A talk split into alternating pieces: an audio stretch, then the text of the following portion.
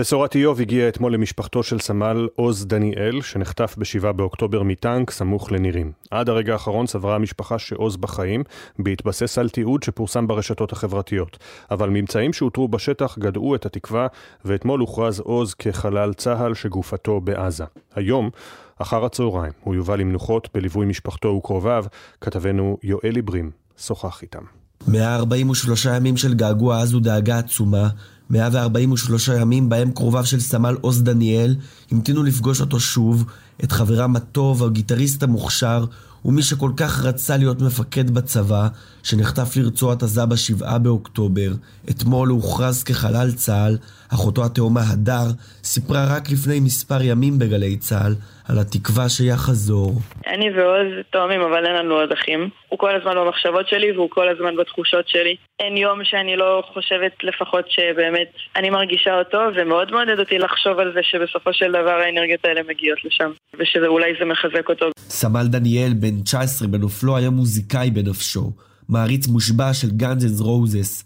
סובאי רגב, מחנכו, מספר לנו על אישיותו המוזיקלית והכובשת. הייתה לי זכות לפגוש נער טוב לב בצורה יוצאת דופן, עם המון אהבה לחיים ולמוזיקה. בשבת של השבעה באוקטובר, עוז מצא את עצמו מהראשונים שקופצים לטנקים ומנסים לעצור את אותם מחבלים ארורים. הלב שלנו נשבר והעצב עצום. בערך 140 ימים שכולנו כאבנו והתגעגענו, ועכשיו הבשורה הזו, שבסופה אנחנו מבינים שיש לנו עוד חיים שלמים לכאוב ולהתגעגע לעוז. גיטרה כאמור הייתה חלק מגופו ממש. כך פגש אותו לראשונה חברו הטוב יונתן פורת, שכואב את לכתו.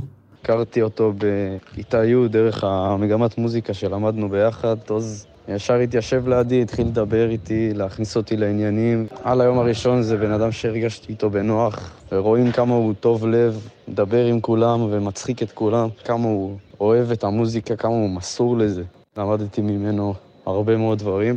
באמת לא סתם אומרים שלוקחים את הטובים. הרב הצבאי הראשי קבע את מותו של סמל עוז דניאל לאחר בחינת הממצאים שאותרו בשטח, שמאפשרים על פי ההלכה להביאו לקבורה.